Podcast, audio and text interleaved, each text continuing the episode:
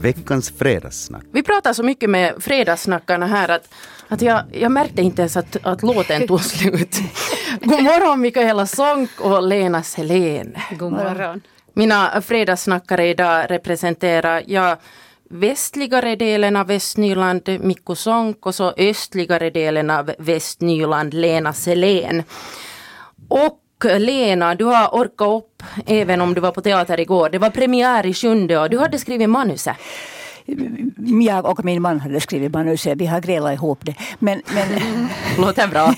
men, men jag, var, jag var helt lycklig, jag var totalt lycklig. Jag var så lycklig att jag faktiskt nästan grät på vägen hem. För det var så underbart att se det här gänget.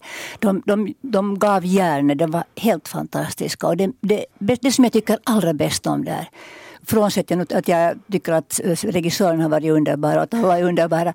Men det att vi har totalt enspråkigt finsk, finska deltagare och sen två, tvåspråkiga eller svenskspråkiga. Mm. Och alla kommer överens. Det, det är ju ganska unikt det här att ja. använda båda språken ja. på scenen. Ja. Och det här, det här liksom går helt i i min, liksom ett, ett led i min strävan. För jag vill att vi finlandssvenskar ska öppna för våra fönster mot också det finskspråkiga Finland.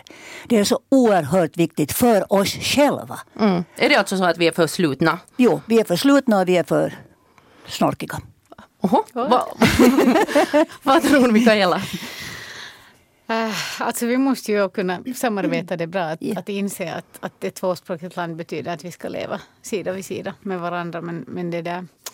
Jag vet inte om vi är för snorkiga. Alltså det, jag, jag, det är också, jag, jag liksom har också förståelse för att, att, att man på många håll är väldigt noggrann med att hålla det svenska, att det ska vara svenskt. För att, för att det finns ju nog risk också för att, för att det svenska lätt blir finskt om man, om man för snabbt eh, börjar samarbeta och ger liksom ger efter. För att vi är ju en så liten minoritet så det är så lätt att vi liksom försvinner i det hela. Inte vi är nu så hemskt små. Och, inte vi, så, i, och vi är ganska starka nog i, i och för sig. Så jag tycker nog att kanske, det kanske är också det att vi inte är så snorkiga men vi är lite rädda mm. och ängsliga. Och, och, och, det är man på finskt håll också. Det är ju det som är det rysliga, att man är så jätterädd för att göra bort sig om man säger någonting fel på svenska. Men hur är det på de här övningarna?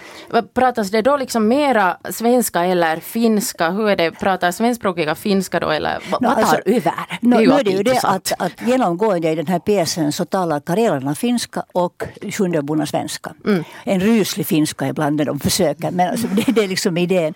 Men, men, men det där, Sven har ju gjort ett jättebra jobb sen Sid med det att han har faktiskt varit komplett tvåspråkig hela tiden, genomgående. Mm. Mm. Och det, där, där finns åtminstone ett par barn som har jättestora svårigheter med, med svenskan.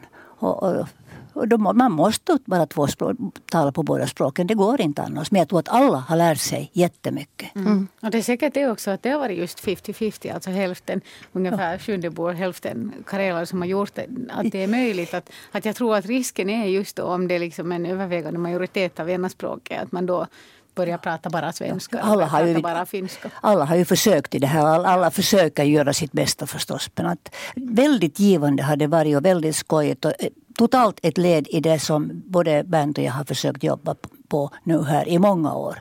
Mm. Vi måste öppna fönstren. Mm. Ja, så är det säkert. Det här är då ett tvåspråkigt evenemang. Så finns det evenemang som är mångspråkiga. Faces-festivalen ordnas ju nu på veckoslutet vid Raseborgs slott. Och Faces har meddelat i år att nu ska de vara ett alternativ, positivt alternativ till den här Olli Immonens eh, tråkiga attityder mot mångkulturalismen. Börje Mattsson, alltså festivalchefen, han har valt att, att bjuda in både Olli Immonen och Timo Soini. Tror ni att de kommer på festival till Raseborg? Ah, jag, jag tvekar. Jag, jag, jag kan inte, för, jag kan inte liksom fördöma folk sådär från den synpunkten för då är jag precis likadan som dem. Mm. Men, men, men sannolikt så kommer de väl inte att dyka Men kan de inte överraska då? Ja, det kan de. Det är mitt i semestertider och det... Och det ja. Jag, tror, jag tycker att det skulle vara jätteroligt om de skulle komma och jag hoppas att, att, jag hoppas att de inser att det kunde vara bra men att, att man vet inte. Man vet mm. inte. Men man, jag, jag, vill akta mig för att se, liksom, äh, säga att jo, de är precis sådana, för då är vi precis som dem. Mm. Ja, så är ni kanske skulle titta in, men, men Immonen, ja. Mm. Jag är skeptisk. Alltså man, man skulle vilja att de skulle, att de skulle besöka festivalen men jag är nog tveksam att om det kommer att hända. Men det är ju ett fint initiativ att börja. Alltså. Mm. Ja, det är, det är alldeles helt i Börjes stil. Mm. Vad tycker ni i stort om det här att, att gå fram som, som ett positivt alternativ som de då uttryckte det sig själv till allt det här diskussionerna om mångkulturalism. Det är, alltså det, det, ja, och det är det som behövs. Det är det som på något sätt har saknats i hela den här Immonen kalabalik, alltså hans hemska inlägg på Facebook och allting. Att det på något sätt så, så har det inte öppnat för den diskussion som, som, som jag i alla fall förväntar mig, som resten av världen har förväntat sig. Herregud, jag har ju skrivit liksom på New York Times, eh, alltså dagstidningar över hela världen och väntat på ett svar. Men mm. på något sätt finländska politiker har varit tysta. Så det har inte liksom öppnat för, för debatt som det borde ha gjort. Så, så jag tycker att det här är just ett alternativ att på något sätt liksom bjuda in och få igång en diskussion. Det jag undrar nu är ju att, att hur det kommer att sluta. Kommer det bara att rinna ut i sanden eller? Jag är nog lite rädd för att det inte rinner ut i sanden. Jag tror att vi är inne på en fruktansvärt farlig väg, både i det här landet och i hela Europa. Det är, gäller inte bara Finland. Och det, det, är det som är det värsta med det. Det är det som gör mig verkligt ledsen. Mm. Mm. Men på något sätt skulle det ha hänt, alltså skulle någon, en, en riksdagsman ha skrivit något sånt här till Sverige så skulle han, fått, skulle han ha fått avgå. Mm. Alltså det Mikaela bor ju då i ja, Stockholm. Bor, ja. ja. Alltså sånt här tolereras inte i Sverige. Det blir genast eh, stora grejer om jag, någon uttrycker sig rasistiskt. Så. Men jag undrar om det där är så hemskt bra för att vi, vi ser ju nu vad som har hänt. Just den här attityden har man haft i Sverige och var ligger Sverigedemokraterna nu i i det där galluparna. Det är skrämmande. Det enda som händer är när man fördömer på det här sättet så är att man, man bara liksom väcker ett, en, en ännu större storm. Och det som folk pratar om hemma vid köksbordet, i bastun, var som helst. Gå och lyssna på det. Och, och tänk efter vad, som egent, vad, vad människor egentligen tycker, tycker. Det är faktiskt jättefarligt. Var hittar vi en lösning då? Jag vet inte. Jag, jag, jag har ingen lösning. Ingen hade någon lösning på 30-talet heller och vi såg hur det gick. Veckans fredagssnack.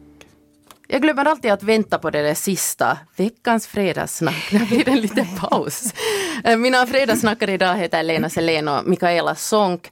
Jag lyssnade på Vegas sommarpratare igår. Maria Österåker, hon är författare, ekonomidoktor och bloggare. Och hon pratar om det här med näthat som hon faktiskt själv har varit utsatt för. Hon hade i fjol 2014 blogga om någonting som kanske många ser som skrock men andra faktiskt tror på. Och det var egentligen här som hatkommentarerna bara började rassla in. Och det var en som hon hade, hade plockat ut som jag tyckte att var, var särskilt läskig. Eh, det var någon som hade kommenterat då på hennes blogg. Stackars stackars naiva idiot. Det är viktigt att du så det är viktigt att du sover på rätt ställe på en vårdinrättning. Stackars dina barn. Eh, då vill jag fråga dig Mikaela Sonk, du skriver ju blogg. Mm. Har du varit utsatt för någonting sånt här?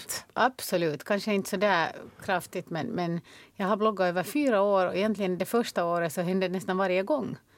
För att jag var lite oförsiktig. Jag skrev lite politiskt och jag skrev lite, lite, lite vad som helst. Alltså. Och varje gång så, så fick jag påhopp. Ibland var jag extrem vänster och ibland var jag extrem höger. Och lite liksom efter vad jag liberal som jag är så har jag alltid olika åsikter. Och, det där, och någon som har skrivit... En gång har jag fått alltså en kommentar att, ja, att, vet att du ska vara försiktig, att jag vet var du bor. Och då, efter det så blev jag jätterädd och skrev jag inte blogg kanske på en månad. Och jag har tagit faktiskt bort, till skillnad från den här bloggaren, mm. så har jag tagit bort i kommentarerna. Och ändå, ändå gör det ju ont liksom efteråt. Men, det där, men sen efter det så har jag varje gång jag skriver nu ett, ett, ett blogginlägg som är lite mer liksom som jag vill få fram någonting som jag vill säga någonting så läser jag det högt för min man. Och så frågar jag alltid att finns det något som kan missuppfattas? Är det något som någon kan reagera på som jag nu inte har tänkt på? Och det är lite synd för att då kan jag sen börja redigera och så är det inte liksom egentligen det vad jag vill säga. Redigera dig själv ja. i princip. Ja. För att man mm. måste vara försiktig för folk alltså kan skriva vad som helst. Mm. Ja, jag har aldrig skrivit bloggar, för jag är lite tveksam till det. Och, och jag skrev så många år i tidning. Så, och där har man ju vissa spärrar. Ändå så blev, vet jag att jag ofta blev kallad antingen kommunist eller någonting annat. Det, var alltid, man, det, det, det blir hemskt lätt på det sättet och det, det vande man ju sig med att man hörde de här kommentarerna. Problemet med att, att, att, att publicera sig på webben är att man har ingen chefredaktör med som är ansvarig utgivare. Det är man själv som är den ansvariga utgivaren och man utsätter sig på ett helt annat sätt. Och det gör ju också den här hatan. Mm. Och det, det, är ju det som är det hemska, att där finns inte något egentligen spärrar på någondera hållet. Mm. Och det är det som lite har skrämt mig och därför har jag inte riktigt haft lust. Jag har tänkt att jag borde nog börja, för vi har en bloggsida på DGBFI och jag, jag borde, jag borde. Men jag har varit lite rädd faktiskt, för mm. det är farligt. Mm. Och det, där finns inga spärrar och man kan utsättas för precis vad som mm. helst. Vad är då avsikten med att ösa en massa så att säga skit över en annan på det här sättet? Men jag försöker alltid tänka att, att, att den här människan, att, att det får inte, liksom, jag får inte ta åt mig och den här människan kan ju inte må bra. Om, alltså det speglar ju skribenten själv. Mm. Det, det hat någon känner sig tvungen att skriva ner så det, det är ju bara de själva som mår dåligt. Och, men sen samtidigt, alltså, när man skriver blogg eller om man skriver i en tidning eller vad man än skriver så, så på ett sätt så, så, måste man ju, så är man ju nog också förberedd för att... Och, och, man måste ju nog också räkna med att man får reaktioner. För att det är ju en offentlig text. Så man kan inte heller skriva och tänka att herregud, varför kommenterar folk? För att det är ju nog liksom lite det man också vill, har, vill och, och har att förvänta. Och då inte kan man tänka sig att alla tycker om vad man säger. Det liksom, smaken är som baken. Mm, men det är lättare att kritisera ju än att ge Absolut, positiv ja. feedback. Så men får man ju, min poäng är att nu får man ju positiv feedback mm. också. Men har ni nu inte märkt att sitta i ett sällskap och försöka tala väl om någon människa, blir ni populära då? Är det någon som lyssnar på er? Mm, man skulle det hoppas. Det där, vi, vi, vi människor är nog lite så att vi tycker bättre om att tala skit om varandra. Mm. Än, och, och det här liksom nätet öppnar en alldeles ny fantastisk väg för de som älskar det. Mm. Det här är en mänsklig egenskap. Och såna, hemskt många är såna. De känner sig säkert bättre efteråt när de har gjort det. Mm. Ja, men gör de faktiskt det sen? Alltså, att gå till så nänt att jag stackars att du borde vara på en, på en anstalt. Alltså, jag skulle säkert ha gått, jag vet inte om hon har gått och svarat på de kommentarerna. Men Nej, det är ingen jag, idé. jag skulle skriva tack detsamma. Mm. Alltså helt klart. Ja. Men ja, då är man ju inne sen, ja, mm. Men, men på något sätt så är det ju nog skribenten som borde vara på anstalt om man skriver sådana saker. Men det är precis samma sak som, som med överhuvudtaget kommentera då på, på, på några sidor som, som är öppna. Att man, man släpper anden ur flaskan och, ja. och sen är den där anden faktiskt ute. Mm. Det är farligt. Mm. Jag tycker nog bättre om lite regler med ansvariga utgivare och mm. lite, lite publiceringsregler. Tyvärr det var lite det där som, som eh, ordförande för opinionsnämnden för massmedia just uttalade sig om i tidningen idag i Vestis. Han menar just det här att, att när det inte finns någon som kontrollerar det, att kanske man, det borde finnas en sån Mm. Skulle det vara möjligt? Jag, jag, hade, jag, hade, aldrig någon känsla av att chefredaktören satt bakom min axel och hindrade mig att skriva saker. Men bara det att jag visste att han hade den rätten mm. så gjorde att jag ändå kanske ibland bromsade mig lite. Mm. För nu har vi ju inte några regler, nedskrivna regler Nej. vad som är etiskt rätt och fel ja. att skriva det, på webben. Nej. Det finns ju nog etiska regler för journalistik i allmänhet men det är mm, men ingen det... följer dem mer. Nej. Mm. Men, men, men å andra sidan så det är många dessutom som tror att jag är anonym. Att varje gång jag har fått någon sån här riktig, riktiga troll som har skrivit någonting så kollar jag alltid upp IP-adressen. Alltså, när man, jag har jobbat med webbsidor i många år så det är jättelätt att kolla vem som har skrivit vad. Så, att, så du vet? Jag vet precis vem som har skrivit vad. Mm. Alltså jag har inte gått så långt att jag har kontaktat någon men, men inte, inte går det att vara anonym så man ska nog passa sig. Och det är alla troll där ute som tycker om att skriva troll så, så det går lätt att kolla vem, vem, vem som skriver vad. Nu är det väl så dessutom att, att nu behöver man inte ens, eller folk tycker att, att de inte ens behöver vara anonyma enligt den här ordföranden just ja. för opinionsnämnden. Att, att det har blivit vanligare också att, att ösa ur sig vad som helst och sätta namnet under för att det är helt okej okay, för att det är acceptabelt, det tycker de. Skrämmande. Men det är också lite det, om man kopplar tillbaka till det som vi snackade om här lite mm. tidigare idag. Att, att det är också lite, lite Finland, att man plötsligt så får man säga vad som helst och, det, och ingen ger liksom en knäpp på näsan utan det är bara tillåtet, tillåtet att hata och, och skriva rasistiska kommentarer och sånt. Att man borde liksom från första början direkt säga att du är avstängd från det här forumet. Du liksom, man får inte dra en gräns. Mm. Alltså och få stopp på det på det Absolut. viset. Absolut. Mm. Men det kan nog sen ändå väcka rörelser som är, är hemskt negativa. Som, som i Sverige, mm. som det har gjort i Sverige med alla begränsningar och alla avstängningar och alla nonchaleringar så har, det, så har vi ändå ett parti som, som har gått framåt så det är alldeles fruktansvärt skrämmande. Mm. Det verkar ju nog onekligen som om vi inte riktigt skulle ha hunnit med här helt enkelt. Nej, det, det, det, där satt du, där satt du. Där satt du. Ja, tekniken, tekniken har, har liksom... Nej men precis, alltså, ja. för att, att, tekniken har öppnat plötsligt så att vi kan kommunicera med vem som helst, var som helst hela världen. Alltså, det blev liksom, världen blev internationell som ett stort land tack vare internet men ingen har liksom fattat att, att det har hänt det. Och vi kan skriva, vi kan kommentera någonting som har hänt i USA. Vi vet vad som händer. Och så här. Men, men det finns inga regler för det och folk kanske inte ens riktigt förstår att det är så här. Alltså, mm. Tekniken har överrumplat oss. Ja. Mm. Vad ska vi göra åt det? Vi måste hänga med. Lätt att säga. Jag tror att vi går över till nästa samtalsämne bara. vi, vi kan, jag, tror, jag tror att vi kan lösa det. Ja, min rubrik här lyder tummen upp eller ner för semesterpremie. Varför ska man få lön för saker som man inte utför? Det enormt stora samtalsämne på vår webb under den här veckan har varit ifall sådana så kallade Pekkasdagar och semesterpremier är förlegade förmåner eller inte.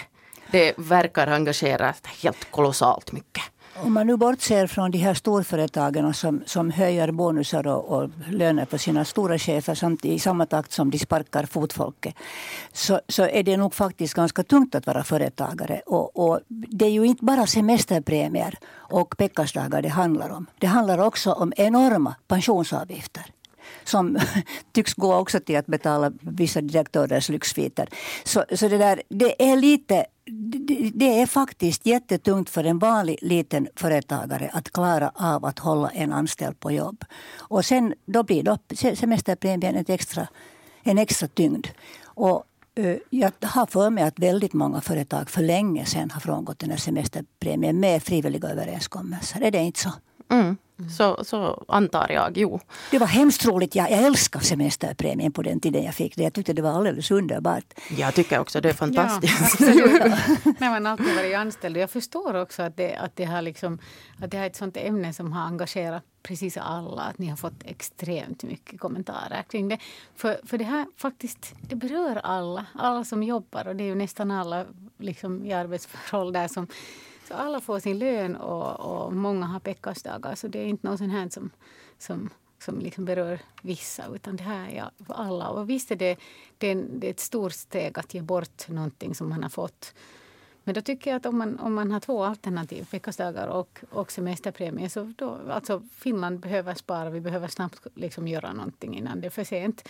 Då kan man välja det ena då, ge bort veckosdagarna eller Alltså komma överens om det. Eller så tar vi bort semesterpremien. Själv tycker jag att Pekkarsdagarna först bort. Alltså.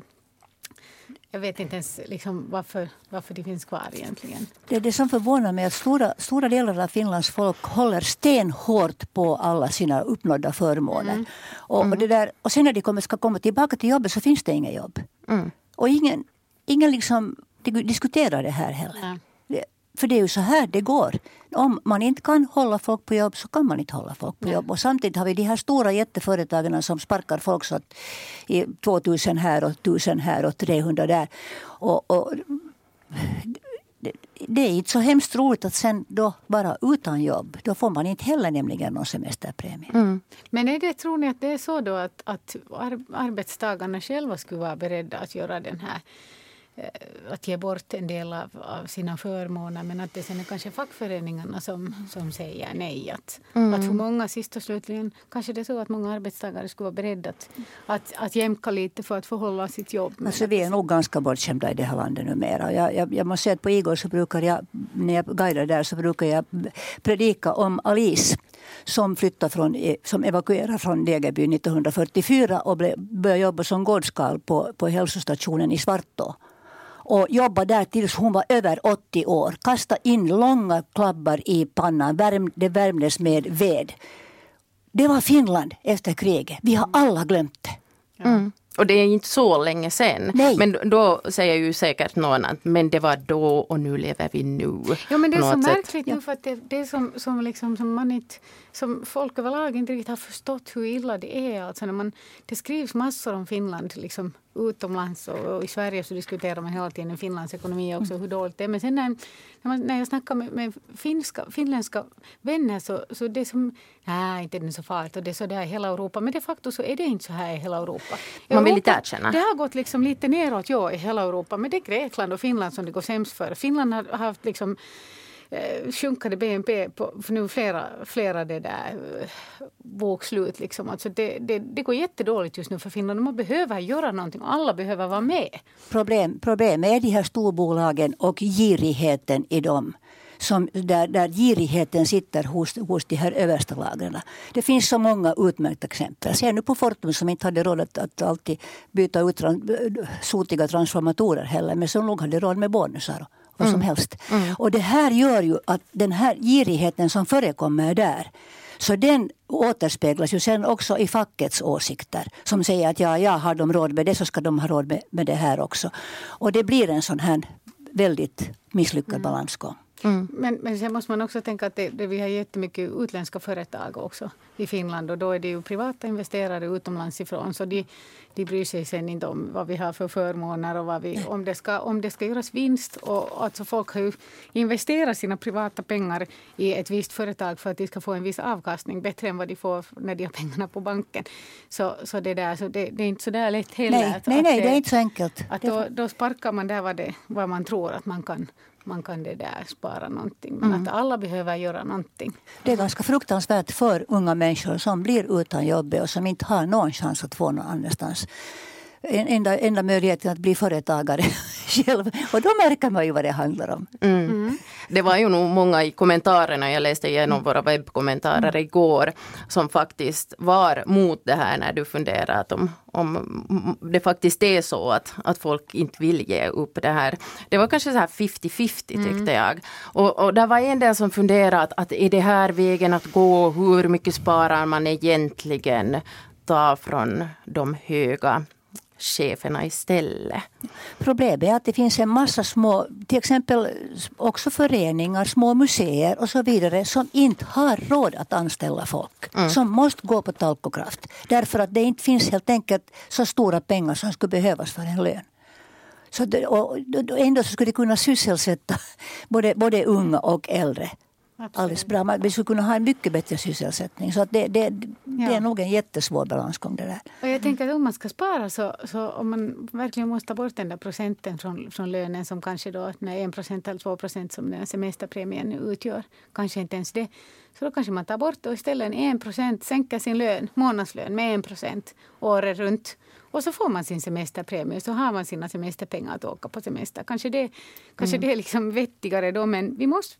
Det, Ju, ju fler som mister jobbet, desto färre har råd att överhuvudtaget konsumera. Och det återverkar i sin tur på företagen. Alltså det är en kretsgång. Och man märker ju nu ren hur den här liksom, eh, köpkraften har minskat. Det är faktiskt skrämmande. Vi ska fortsätta på det här med företag och företagsamhet, men på ett lite annorlunda sätt. Eh, jag skulle vilja påstå att de flesta av oss har blivit irriterade på sådana här telefonförsäljare som ringer i tid och otid och de vill sälja det ena och det andra. Men känner ni till någon som har blivit uppringd och sen blivit riktigt ordentligt lurad av att betala oskäligt mycket för en viss tjänst eller en produkt? Nej, men eh, för kanske två år sedan, tror jag det var, som mamma ringde och sa att hon hade bytt elavtal. Mm. För att det hade varit någon, någon elfirma som hade nu minns jag inte om de hade varit riktigt och, och knackat på dörren och, och försökt liksom övertyga henne om att det här var liksom det bästa eller om de hade ringt. Men i alla fall fick henne att byta det elavtalet och sen när vi då gick igenom så var det inte alls något bättre utan det skulle vara billigare det första halvåret. Sen skulle det bli mycket dyrare. Och då, då sen tror jag att det var jag som ringde och sa att vad, vad gör ni liksom? Att varför ringer ni till till folk. Och, och, så, så ja, det är det närmaste det har kommit mig. Vi har nog råkat ut på Igor hemskt mycket för att man, man erbjuder marknadsföringstjänster som är precis bara luft, man inte har någon nytta av alls. Och det fanns en tid när man med de här Helsingfors, alltså telefonkatalogerna, de här mindre för, för mindre områden. Så de kunde ringa liksom och, och erbjuda platser och hade man bråttom och körde bil eller något sådär så kunde man gå med på det. Så mitt i allt samman så fanns man i tre olika kataloger där man inte behövdes alls egentligen. Mm. Mm. Att det, fanns en, det finns nog en massa massa sånt här. Jag har nog lärt mig, jag är alltid vänlig mot de här försäljarna för jag tänker att de har det kanske inte så lätt heller. Det kan inte vara ett roligt jobb. Nej, jag skulle inte vilja ha det. Men, men, men, att, men att risken är att man blir lurad. Man måste vara fruktansvärt alert när de ringer och erbjuder ja. något. Mm. Uh, orsaken till att vi pratar det här är ju då att flera äldre personer i Raseborg har kontaktats av en rörfirma som vill sanera vatten och, och avloppsrören i deras egna hemshus för en alldeles tokigt hög summa. Alltså, som, det är ju helt sjukt att man alltså, för man vet ju, man, om någon skulle ringa till mig redan nu, jag skulle inte veta vad priset är. Och så mm. om någon, man tänker att en fackman kommer och, och, och, berättar om att det behövs en rörreparation, så litar man ju på den.